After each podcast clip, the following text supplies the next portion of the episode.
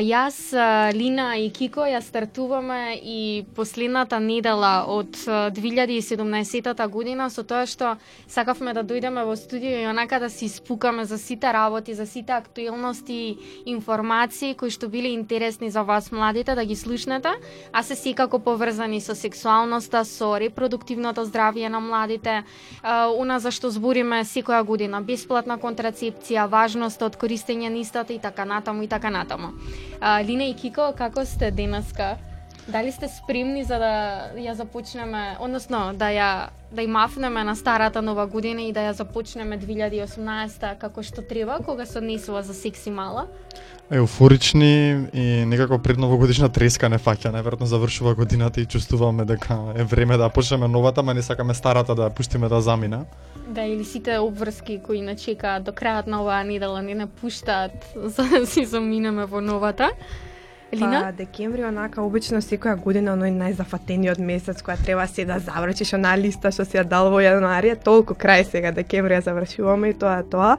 И после овој месец што беше исполнет со многу многу многу активности, се надевам дека сега сите ќе се одмориме така барем една недела пред испитна и дека ќе се ќе се поминеме супер оваа емисија, ќе да знаеме уште неколку работи што не сме ги знаеле, можеби до сега за се она што го збориме во емисијата И тоа е тоа, се слушаме по наредниот блок, мислам дека.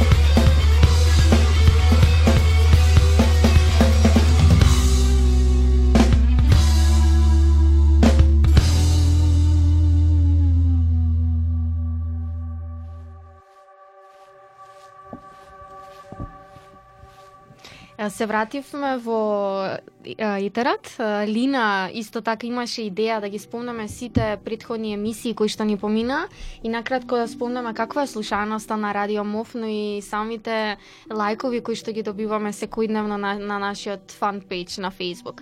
Лина, која е твојата омилена емисија од овие 6 или 7 кои што ги поминавме за само 3 месеци? Па пред да ги набројувам, морам да кажам дека една од мојата најомилени беше емисијата кај што бевме јас, Тина и Ема, зборувавме за правото на абортус, зборувавме а, дека во Македонија се уште во 2017 ништо не беше сменато кога станува збор за она право што беше донесено во 2013 за забрана на абортусот.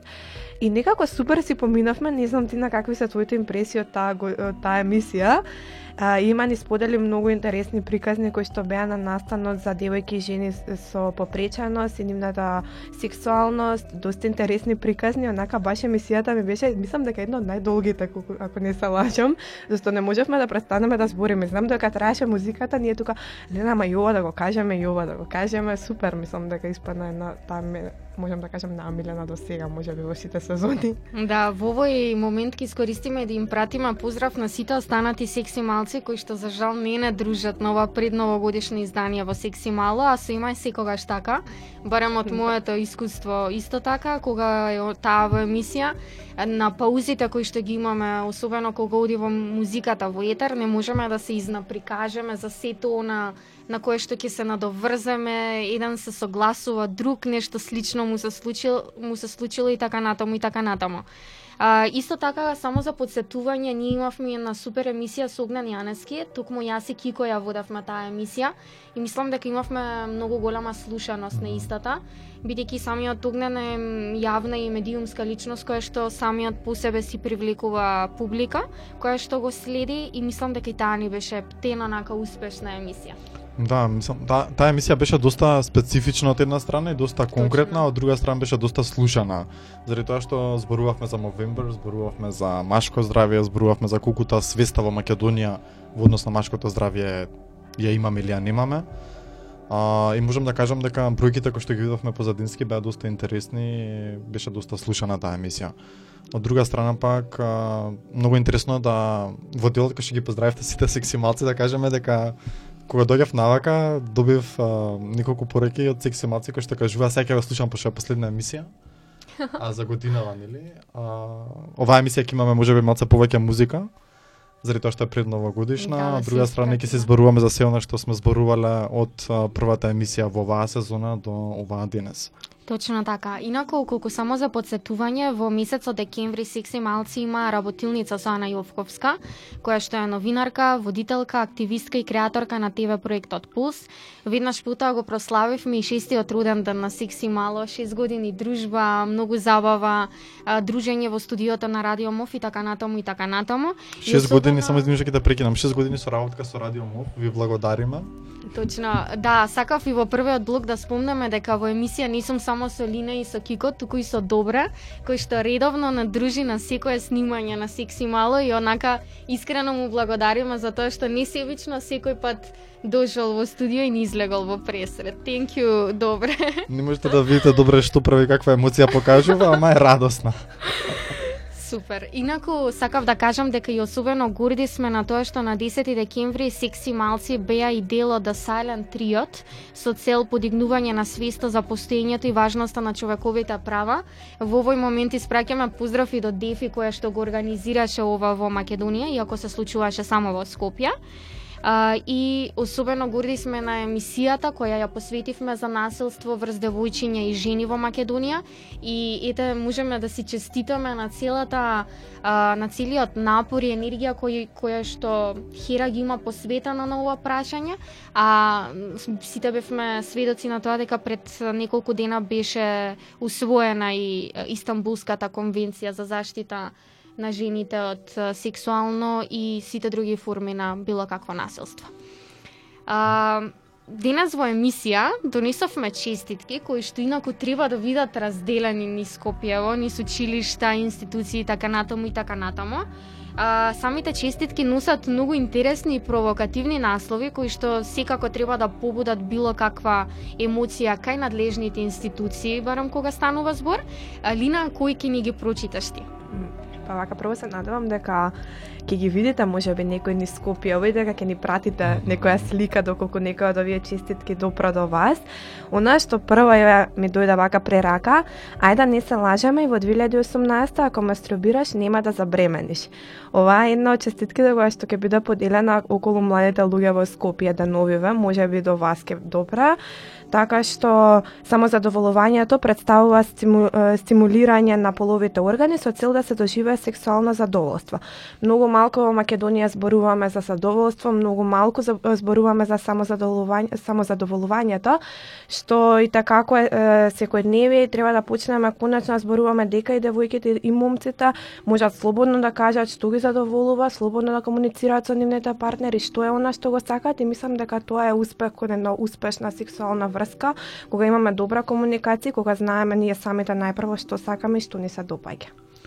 Токму така Лина, тоа кое што треба исто така да го споделиме уште една порака од честитките, а и оваа порака која што е на другите честитки, бидејќи имаме неколку типови, вели согласно што што е а, дадена еднаш, не важи за секогаш, што е навистина важно кога зборуваме за врски односи, особено кога зборуваме за моментот на имање или немање сексуален однос, да бидеме свесни дека еднаш дадена согласност не, не значи за секогаш и дека можеби не секогаш сакаме да, да имаме некаков однос, меѓутоа можеби сакаме да живееме поинаку.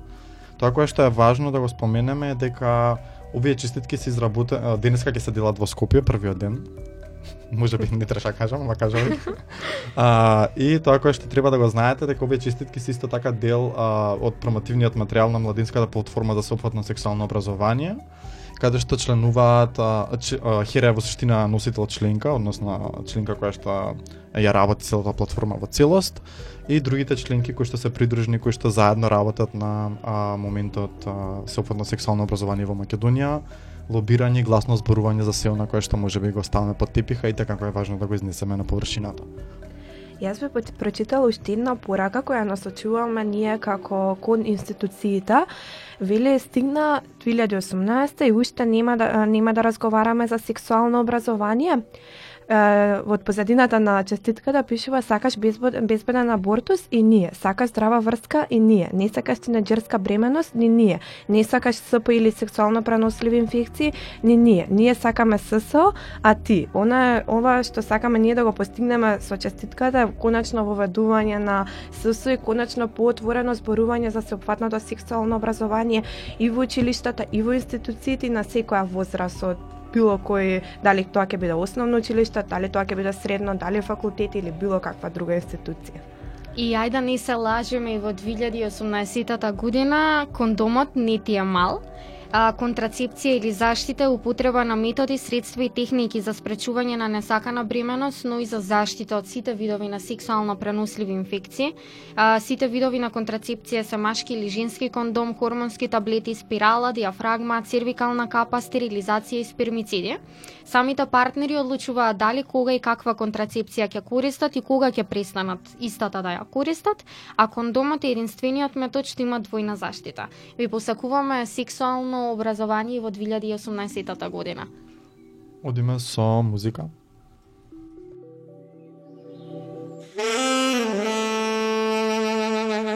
Thank you.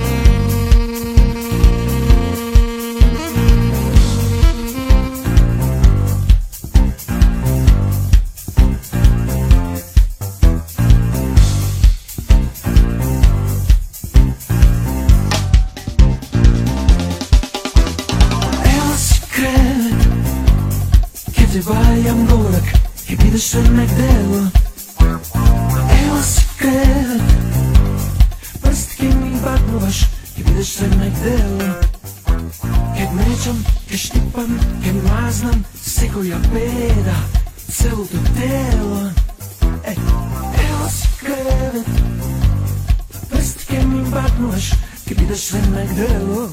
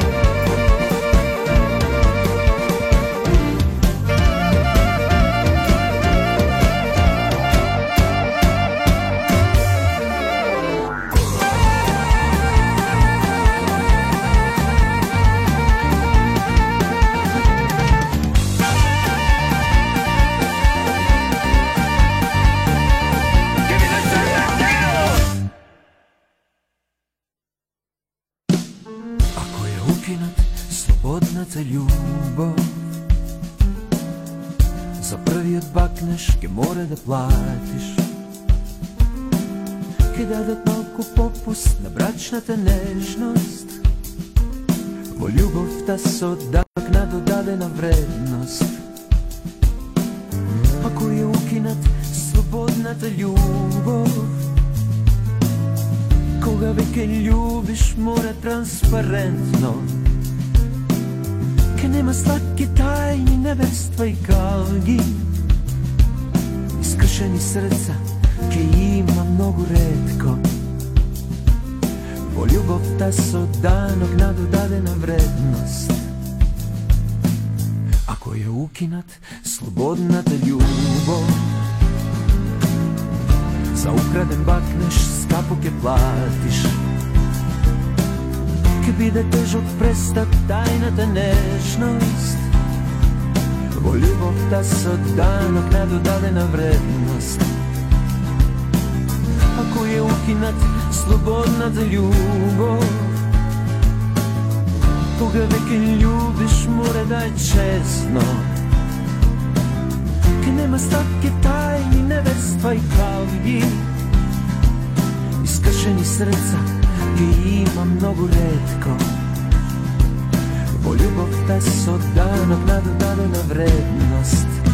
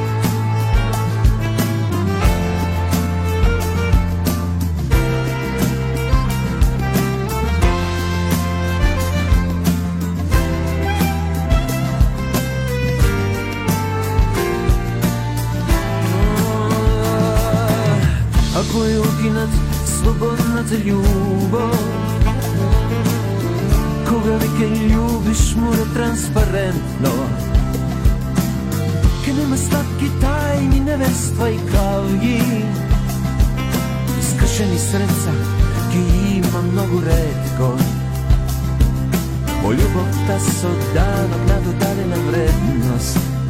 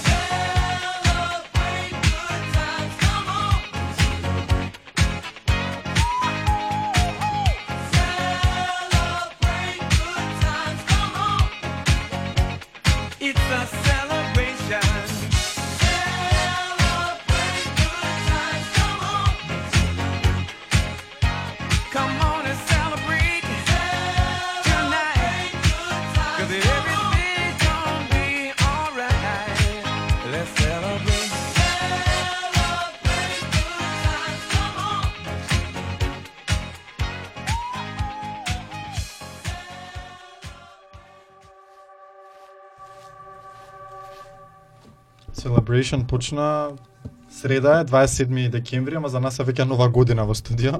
Некако после добар бит сите се разигравме во студио, сите почнавме да си правиме мовети да пееме. Не знам, девојки ви дали имате нешто да кажете? Она што ни останува за да го кажеме на самиот крај, го најавивме и во самиот опис на сликата што ви ја пративме на фанпејџот на Секси Мало е тоа да ги поминете празниците со доволно свесно за да се заштитите себе си и вашето здравје. Секако, ако барем не мислите на вашиот партнер, сметајте на самиот себе, користете заштита, дечки, тоа ќе ве кошта многу помалку отколку сето она како последица што може да се јави поише од некое невнимание или дезинформации кога станува збор за користењето на контрацепција. Информирајте се на вестинското време. А, прашувајте на нас Хера Млади. Секси малци можете да ми пишете ако имате прашања на на Секси Мало фан можете на Марија Вагинолог. А, ако имате нешто кое што сакате да го дознаете повеќе или можеби сте го зборувале, меѓутоа не ве во целост јасно, повторно прашајте на. Ние сме за Секси Малци, односно за слушателите на Секси Мало, сигурно достапни. А, и ќе видиме како ќе се одвива се понатак, односно кога ќе ги добиеме првите прашања од вас, можеби дури и пред нова година, бидејќи најчесто нова година е моментот кога сите славиме. Точно така. Кога дојдовме ние сега во студиото, тука Радио Мов не изненади со едни пакетчиња на кои што пишуваше срекни празници од Радио Мов. Дечки, ние само ни останува да ви посакаме убави секси празници и се гледаме во наредната емисија следната година. Се слушаме, Лина. И а, во меѓупростор додека не нема на Радио Мов, слушајте на на Mixcloud. Можете да не најдете на Mixcloud или едноставно идете на фан страната на Секси Мало и во подкасти ги има сите наши емисии од ова и од претходните сезони.